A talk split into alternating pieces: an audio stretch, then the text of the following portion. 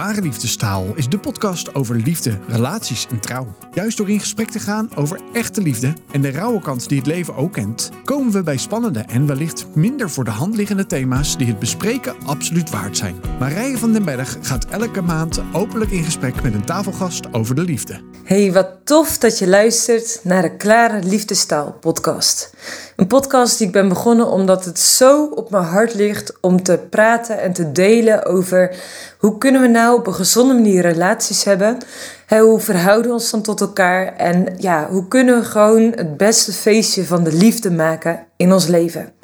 Ik spreek zoveel mensen tijdens coachgesprekken of Seven Life Assessments die ik voor stellen terugkoppel. Of gewoon in de loop van het leven, waarin mensen delen over hun struggles, hun moeilijkheden binnen hun huwelijk.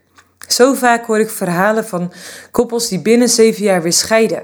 Dat was voor mij ooit de aanleiding om het boek te schrijven Bemin. Misschien heb je het wel in de boekenkast staan. Of nou ja, je kunt hem altijd natuurlijk nog bestellen via mijn website. Maar weet je, het heeft mij zo altijd geraakt van... Hey, hoe, hoe, hoe werken relaties nu? En hoe kunnen we nou de principes die God geeft... toepassen in, onze, ja, in ons leven, maar daarin ook in onze relaties? En wat voor vruchten brengen dat soort principes nou eigenlijk ook voort? Ik weet wel, misschien nou ja, ken je me nog niet? Uh, denk je van, hey, wie is die Marij van den Berg? Uh, daarom dacht ik, ik begin gewoon met een aftrap van deze podcast. Uh, en die doe ik in mijn eentje. En misschien heb je me ooit wel horen spreken in het echte leven of online. Of ben je ooit bij een van de events van mij geweest. Toen ik nog voor Be Together werkte of, of inmiddels mijn nieuwe evenementen. Maar weet je, ik ben jarenlang ben ik single geweest zelf. Ik heb op mijn Volgens mij was ik 16. Op mijn 16e levensjaar heb ik een relatie gehad. En dat ging na twee jaar stuk. En daarna heb ik nog een relatie van, van drie maanden of zo gehad. En uh, dat, dat eindigde op mijn negentiende. En ik weet wel, daarna ben ik dus 12 jaar single geweest. Oftewel ongekust zelfs. Ik heb wel veel gedate, ik heb veel uh, mensen ontmoet. Uh, ben ook regelmatig verliefd geweest. Dat ik nou ja, contact had met een, een leuke man. En dat ik echt dacht, nou weet je, nu zie ik het helemaal zitten. Dit gaat het helemaal worden. En uiteindelijk had ik in 2018 een relatie, 2017 eigenlijk een relatie die in 2018 beëindigd werd. En daarna ben ik gaan snowboarden. Nou, één tip. Ze zeggen altijd als je emotioneel in de war bent uh, dan stap er niet op de motor of stap niet in de auto. Nou, ik ging dus na mijn break-up ging ik snowboarden. Het was net verse sneeuw gevallen en ik werkte als skileraar in een, in een skigebied in Zwitserland. En ik dacht echt zo, ik moet even mezelf uitlaten. Ik moet even tot mezelf komen. En ik weet nog dat ik uh, in de lift zat en dat ik zat te huilen. Omdat ik echt het toekomstplaatje wat ik zelf geschetst had, eigenlijk in, in miljoen duizend stukjes uiteen zag vallen en zo voep, door de wind heen zag gaan. En ik stond daar boven op de berg en ik ben naar beneden gekarfd. En dat is echt gewoon op, volle snelheid naar beneden gaan. En ik ben onderuit gegaan en nou ja, heb toen um, uh, mijn nier gescheurd. Uh, daarna heb ik vijf keer in het ziekenhuis gelegen met heel veel complicaties. En uiteindelijk heb ik daar posttraumatische stressklachten aan overgehouden. En waarom ik dit vertel, heeft niks te maken eigenlijk met... Uh, nou ja, uh, in ieder geval is de tip van als je emotioneel in de war bent, als je het even niet weet, uh, doe dan iets veiligs. Ga niet iets risicovols doen. Uh, maar waarom ik dit deel is dat, dat die tijd dus van, van verwerken, van herstellen. Ik heb maandenlang niet, nog niks zwaarder dan een kilo mogen tillen. En ik heb in die tijd zoveel geleerd van, ja, over mezelf, van het leven. Van het leven wat ik dacht te hebben in vrijheid. Maar God heeft me daarin zoveel openbaringen gegeven van wie Hij is, juist ook in tijden van nood. Juist ook in tijden als je niet zelf kunt beschikken over je toekomst, over wat er te komen staat. En uh, ja, vol in de traumaverwerking dus van het trauma wat ik tijdens mijn vijfde ziekenhuisopname heb uh, meegemaakt. Uh, heb ik daarin zoveel rijkdom, zoveel cadeautjes van God ontvangen over wie ik mag zijn en, en ja, hoe geliefd ik mag zijn als persoon. En het alles heeft ervoor uh, ja, aan, meegedragen dat ik zoveel heler in het leven sta. Zoveel, ja, zoveel rijkdom heb uh, ontdekt in het doorleven van deze processen. Ik ben zoveel heler geworden op emotioneel vlak en eigenlijk op elk stukje van mijn zijn. En ik weet wel dat ik, daarna heb ik nog een korte relatie gehad. Uh, met een hele mooie man, met een ontzettend mooi hart. Die, uh, ja, die gewoon mij fantastisch vond, maar zoveel angst had om een relatie aan te gaan dat dat ook stuk liep. En um, het was in het najaar van 2019 dat ik uh, ja, met een oude vakantiegenoot, reisgenoot, een, een afspraak maakte voor een bijkletswijntje. en dat mondde uit dus in een hele toffe, mooie ontmoeting. Waarbij ik s'avonds laat op donderdagavond uh, midden in de nacht thuis kwam. In de tijd dat ik nog elf uur per nacht sliep door, uh, door alles wat er gebeurd was. En dat ik echt in de auto zat en dat ik echt dacht: wauw, wow, dit was echt zo gezellig. Dit was echt zo gezellig. Ik was er echt helemaal vol van. En eigenlijk vanaf het moment dat we een maand later samen op reis gingen, uh, samen, niet op reis gingen, we gingen, we gingen samen op de motor, hadden we onze eerste date. En dat was zo ontzettend leuk. En uh, dat maakt ook best wel veel bij me los. Dat ik echt dacht, wauw, uh, ja, gewoon we gingen dat proces in van elkaar samen beter leren kennen. En allebei al wat oudere, op wat oudere leeftijd. Ik ben inmiddels nu 34. Maar dat we zo ook daar de rijkdom van, uh, van ontdekten. Ook gewoon door de, de tijd van het daten heen. En dat er ook wel een uitdaging lag van, uh, hè, je merkt dan toch altijd, wat als dit opnieuw op niks uitloopt? Wat als ik opnieuw hè, de bons krijg? Wat ik als ik opnieuw uh, die deur tegen mijn neus aan krijg? En dat ik weer teleurgesteld ben in de liefde en dat ik weer zo'n uh, shake-up van mijn hart heb. En toen realiseerde ik mezelf zo van, weet je, ik heb zo door de jaren heen geleerd dat ik het aan kan om liefdesverdriet te hebben. En het is hatelijk, ik vind het echt afschuwelijk. Maar laatst sprak ik iemand en die zei: Weet je, Marije, de kans dat iets niets wordt, is zoveel groter dan dat er, geen, uh, dan dat er wel een toekomst in zit met die persoon.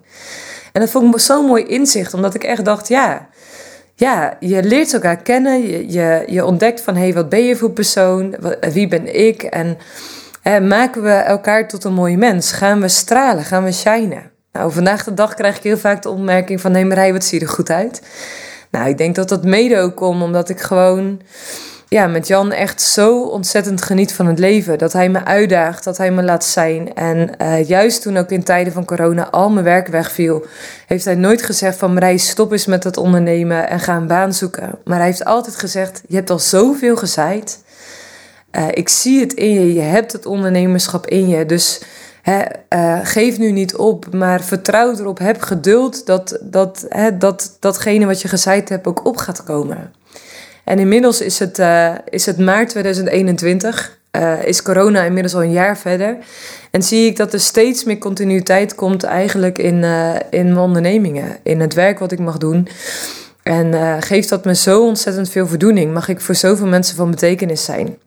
Als coach, als trainer, binnen de Zichtmakers, uh, het bedrijf wat ik heb, um, uh, wat zich bezighoudt met evenementen. Daarvanuit organiseer ik ook de evenementen rondom ja, de thema's die dan op mijn hart liggen. En ehm, ja, dan kun je gewoon voor kijken van, hey, spreekt daarin iets aan?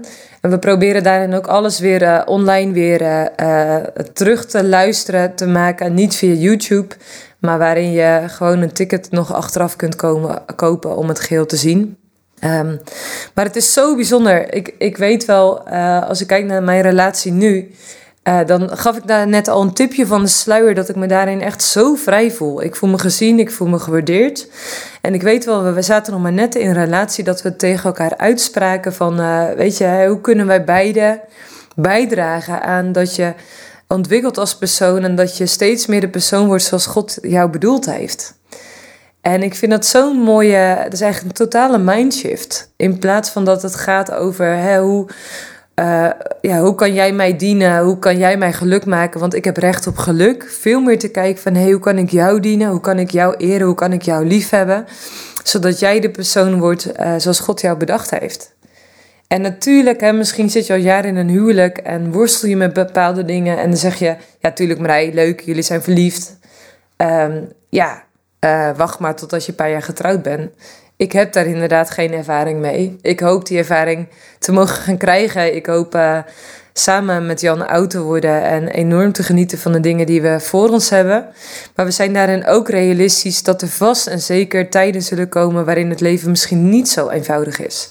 Door dingen die je overkomen of keuzes die je maakt of Gewoon uh, bepaalde dingen waar je misschien bij elkaar tegenaan loopt. Ja, ik moet dan ook denken aan een principe wat mijn uh, cadeau-opa... Ik heb geen echte opa meer, maar ik heb een oud vrijwilliger van, van mijn eerste werk... heb ik uh, als het ware als opa geadopteerd.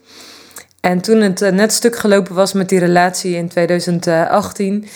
Toen deelde hij met mij van, weet je Marij, het gaat niet over geven en nemen in een relatie. En dat is in de volksmond zo bekend. Hè? Je geeft en je neemt. Dat is een soort van logica. Je geeft en je neemt daarin terug. En hij zegt, weet je, als je dat anders gaat bekijken, namelijk zo.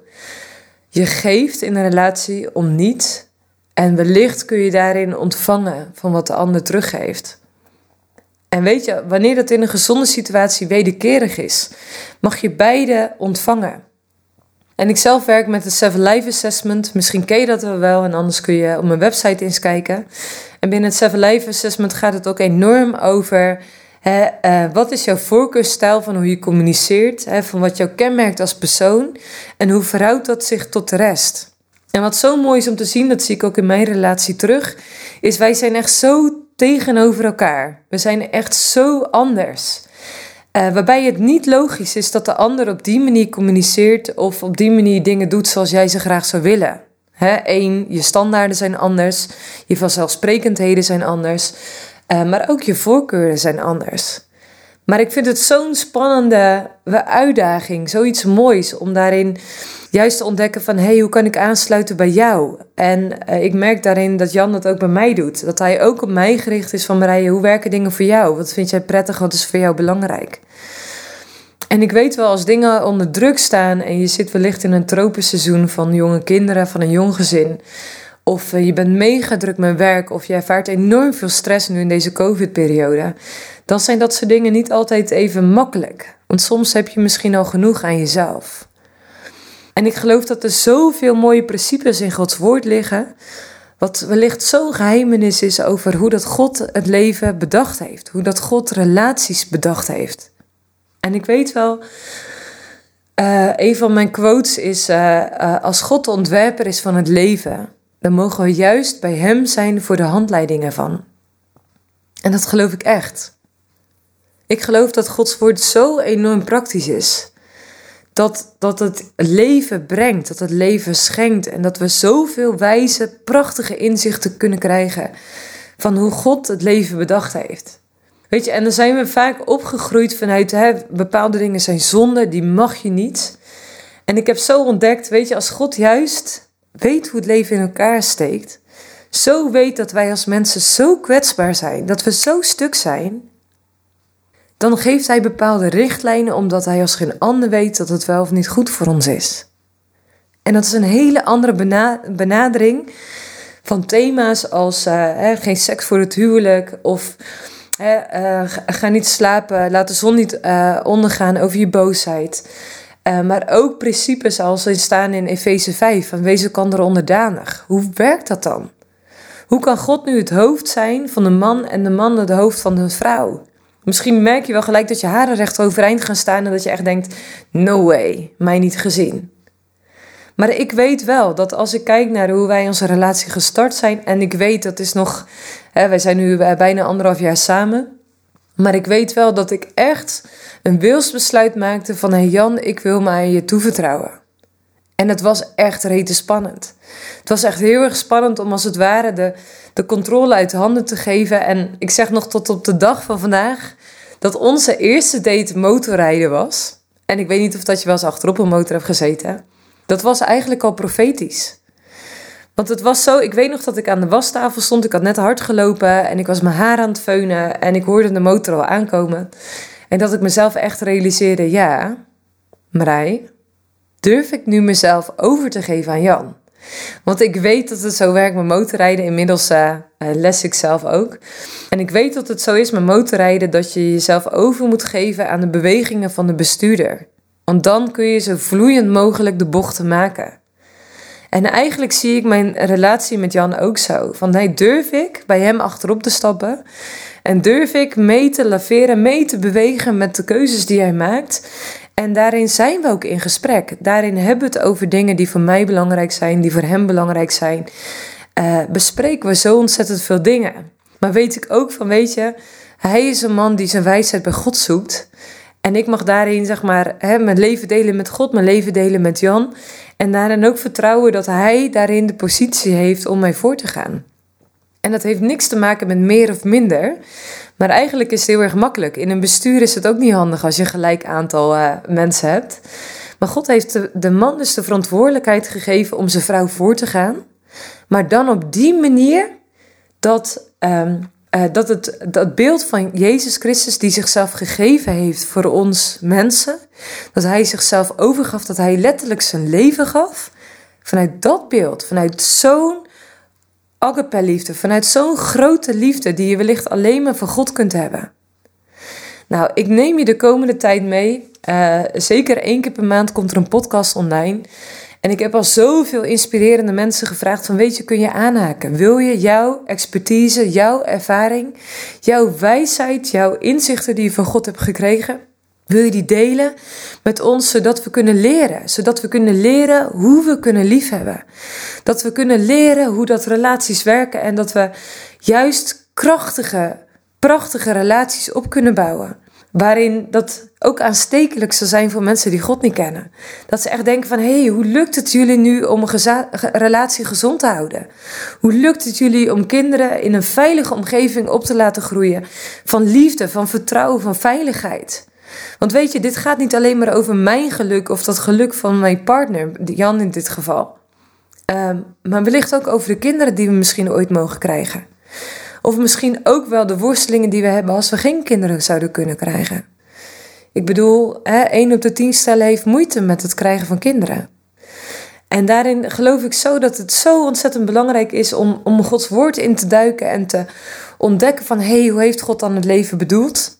Maar daarin ook thema's te bespreken die zo relevant zijn voor vandaag de dag, die zo belangrijk zijn. Dan denk ik aan porno, aan wat als je een abortus hebt gedaan en je, uh, je, je moet daarmee dealen. Of wat als je inderdaad uh, ongewenst kinderloos bent. Hoe ga je daarmee om? Hoe rouw je daarover? Of wat als je je partner verloren bent en je bent op de jonge leeftijd of op wat voor leeftijd dan ook weduwe of weduwnaar geworden? Of hoe gaan we om met thema's als communicatie, als liefhebben? Wat is dan ook de definitie van liefde? Nou, zo kan ik nog echt heel veel thema's noemen. Uh, wat je misschien al wel merkt is dat ik zelf enorm enthousiast ben. ben. Uh, maar dat komt ook wel omdat dit thema zo op mijn hart ligt. Al jaren. Mocht je zeggen van weet je Marij, uh, ik zou hier gewoon eens over langs willen komen dan kun je altijd een, uh, een coachsessie plannen. Je kunt altijd samen een coaching sessie plannen. Waarin je samen een Seven Life Assessment maakt. Waarin je zoveel waardevolle inzichten kunt krijgen over jezelf, over de ander en over jullie relatie. Vaak kan ik met een assessment precies ontnoemen van, weet je, hier, hier kunnen jullie conflicten over hebben. Of hierin kan het zo zijn dat je niet begrepen voelt door de ander. Zulke waardevolle inzichten die je ook daarin helpen om elkaar lief te hebben en elkaar te eren in je relatie. Of misschien zeg je wel van, hé Marij, kan ik uh, komen spreken? Of een van de mensen die te gast was bij de podcast. Voel je welkom. Weet je, ik geloof zo in de kracht van het lichaam. Dat we elkaar nodig hebben om ja, juist uh, zicht te hebben op wie Jezus is, op wie God is, op wie de Heilige Geest wil zijn in ons leven. Hoe dat de waarheid daadwerkelijk vrijmaakt. En zoals Jezus zegt, weet je, de duivel komt om te stelen, te roven en te vernietigen. Maar ik ben gekomen om het leven te geven in al zijn volheid. En ik mijmer al jarenlang over dat Bijbelgedeelte, Johannes 10, vers 10. En wat ik daarin zo vaak merk is van, weet je Heer, ik verlang zo naar het leven in volheid, in al zijn volheid. Ik wil niet gaan voor een halfvol leven. Maar Heer, wilt u mij dan leren hoe u het leven bedacht heeft? Hoe dat eruit ziet. Wat dat betekent van hoe dat ik naar mezelf kijk. Hoe ik over mezelf praat. Hoe ik onderneem, hoe ik werk, hoe ik collega ben of hoe dat ik leiding geef. Maar ook hoe ik in relatie tot de mensen die mij gegeven zijn sta. En juist ook in relatie tot Jan. Weet je, want hij is voor mij echt zo belangrijk. Ik, ik wil hem lief hebben, ik wil hem eren, ik wil hem als het ware die springplank geven zodat hij kan vliegen. Ik wil graag zijn rug dekken. Ik wil graag dat hij weet, Marije vertrouwt op mij. En ik kan keuzes maken, ik kan ons gezin leiden. Uh, en we gaan daarin een hoopvolle toekomst tegemoet. Weet je, met een eindbestemming die niet gaat over hier op aarde of wat we hier op aarde allemaal meemaken aan ellende of lijden of pijn en verdriet. Maar we mogen zien op die laatste dag, op dat moment dat we eh, ja, voor God mogen staan en mogen zien dat Hij echt waarlijk God is en dat Hij zoveel groter is dan dat we kunnen bedenken. En dat we heel veel dingen, denk ik, pas dan pas snappen. Wat oké is, weet je. Hij is een alwetend God en Zijn liefde en genade is zo ontzettend groot. Nou, mocht je daarin geïnspireerd wil worden, lees het op Psalm 103 bijvoorbeeld. Ik vind het echt prachtig. En in Psalm 46 staat dat hij een veilige vesting is. Dat als de hele wereld ondersteboven komt te staan en alles verdwijnt uh, in de zeeën, dan hoeven we niet te vrezen. Maar dan mogen we onze schuilplaats bij God vinden. Weet je, en ik hoop echt dat deze podcast een plek zal zijn waarin genade en liefde echt een plaats heeft. Weet je, we hebben allemaal keuzes gemaakt. We hebben allemaal dingen meegemaakt die gebroken zijn. Die uh, ja, wellicht vallen onder de noemen zonde. En zonde is echt zijn doel missen. En weet je, soms is het zo goed en eerlijk om te herkennen, om in de spiegel te kijken en te zeggen van weet je, ik heb keuzes gemaakt die geen leven voortbrachten. Ik heb keuzes gemaakt die andere mensen pijn hebben gedaan. Ik heb dingen over, me zegt, uh, dingen over mezelf gezegd die eerder een vloek waren dan dat ze tot zegen waren, ook voor mezelf. En weet je, woorden hebben kracht. En ik hoop dat deze podcast je helpt om te reflecteren, om, om God te zien en te ontmoeten. Misschien wel juist door pijn en gebrokenheid heen. Want weet je, jij en ik zijn altijd welkom bij God. Hij is als die liefdevolle vader die met zijn armen wijd open staat. En die, die ons uitnodigt om in het licht te komen. Zoals hij tegen Adam ook zei: Adam, waar ben je? En hij nodigde eigenlijk Adam uit om, om in het licht te komen en gewoon te erkennen: Heer, ik heb u zo nodig. Heer, ik heb keuzes gemaakt waarvan u zei: dat kun je beter maar niet doen. En daarin vergeving en genade en liefde te ontvangen. En weet je, soms is erkennen dat je. Ja, dat er dingen in je leven zijn gebeurd die niet oké zijn. Of dat je dat zelf hebt gekozen of dat andere mensen je dat aangedaan hebben, is echt heftig. Maar ik geloof dat erkennen en beleiden, het bij God brengen, het als het ware in het licht brengen, juist ervoor maakt dat het licht wordt. En dat die dingen die we in het licht brengen, als het ware, nou niet als het ware, zeker te weten, uh, licht worden. Dus als een getuigenis mogen zijn voor de mensen om ons heen. En dat vind ik echt fantastisch. Dat vind ik zo het waardevolle van God. De belofte die God geeft. Van weet je, alles wat duisternis was, wordt licht door God zelf. En vervolgens mag het licht zijn. In Efeze staat dat. Efeze 4 of Efeze 5. En daarin wil ik afsluiten vandaag met uh, Jesaja uh, 61. En daar staat het volgende, even in Marijentaal. Daar staat zeg maar, uh, Jezus citeert het ook in Lucas 4, dat hij gekomen is om, om uh, gebrokenen van hart hun heling bekend te maken, om gevangenen vrij te maken, om degene die de treurende te troosten. En dan staat daar zeg maar zo onwijs mooi dat hij ons vreugdeolie wil geven in plaats van as. Dat hij ons een lofgewaad wil geven in plaats van een depressieve geest. Dat hij ons een kroon wil geven. En dat is zo ontzettend mooi. Dat is zoveel belofte. Maar daar eindigt het nog niet. Want vervolgens staat er dat we als een eik, een tere bind, nou die blaas je niet zomaar om, geplant mogen worden tot eer en verheerlijking van God zelf. En dat degenen die treurden, die gebroken waren, die verdrietig waren, die, die uh, gevangen zaten, dat zij de oude steden van wel eer weer op gaan bouwen. Fascinerend stuk, moet je ze lezen. En wat ik daaruit lees, is dat er bij God nooit een punt staat. Jouw leven Jouw relatie is nooit hopeloos. Of de keuzes die je gemaakt hebt. Misschien heb je wel besloten om te scheiden. Of besloot je partner om te gaan scheiden. Of heb je inderdaad een abortus gedaan. Of worstel je zo met jezelf en kun je jezelf niet accepteren. Kun je jezelf niet aankijken als het ware vanuit de ogen van God zelf. En heeft dat heel veel effect, heel veel impact eigenlijk op je relatie. En dan zegt Jezus van weet je, ik ben gekomen om jou te herstellen. Om innerlijke genezing te geven zodat je zult worden aan die terebint geplant aan de bron die God zelf is. In Jeremia 17 in Psalm 1 staat er ook over geschreven. En dan het prachtige, dat je dus op mag groeien tot zo'n eik die niet om te blazen is, die gigantisch groot, die, die, die zeg maar wat echt een, een, een merkpunt wordt in de, in de horizon, dat mensen dat zien en echt denken, wauw, zo, hoe kun jij zo sterk in het leven staan, misschien wel vanuit je zwakheid kennende, wetende dat je aangesloten bent bij de juiste bron en dat dat de basis is van je leven. En dan kun jij van betekenis zijn binnen deze maatschappij, binnen jouw kerk, binnen de plek waar jij geplaatst bent, waar het dan ook is. En het gaat niet om opleidingsniveau, of datgene wat je allemaal wel of niet bereikt, maar het gaat juist om ja, te dienen in datgene wat God je te doen geeft. Groot of klein, maakt niet uit. Maar de vraag is, zijn wij trouw? Zijn we liefdevol? En dan kun je gewoon kijken naar de vrucht van de geest. Liefde, goedheid, blijdschap, al die verschillende facetten van de vruchten van de geest. Want die vruchten komen vanzelf als je aangesloten bent bij de juiste bron. En weet je, daar mag iedereen in, in je omgeving van plukken. Je partner, of je toekomstige partner, je kinderen of de kinderen van de mensen in jouw omgeving, de mensen in je gemeente, de mensen bij je op het werk, de mensen bij je in de straat. Iedereen mag die vruchten plukken, omdat het de vruchten is van het leven, het vervulde leven met God zelf. Prachtig, vind je niet? Nou, ik ben echt enorm benieuwd naar al die dingen die we met elkaar mogen gaan ontdekken. Ik weet wel, ik heb de eerste podcastopnames al gehad. En ik heb echt op het puntje van mijn stoel gezeten. Dat ik echt dacht, man, wauw, dit is echt fantastisch. Deze boodschap mag echt gehoord worden. En ik hoop dat het je zal inspireren. Ik hoop dat het je zal bemoedigen. En ik hoop dat het bij zal dragen aan een ontzettend sterke, liefdevolle, trouwe, vervulde relatie. Met daarin vruchten voor iedereen om je heen.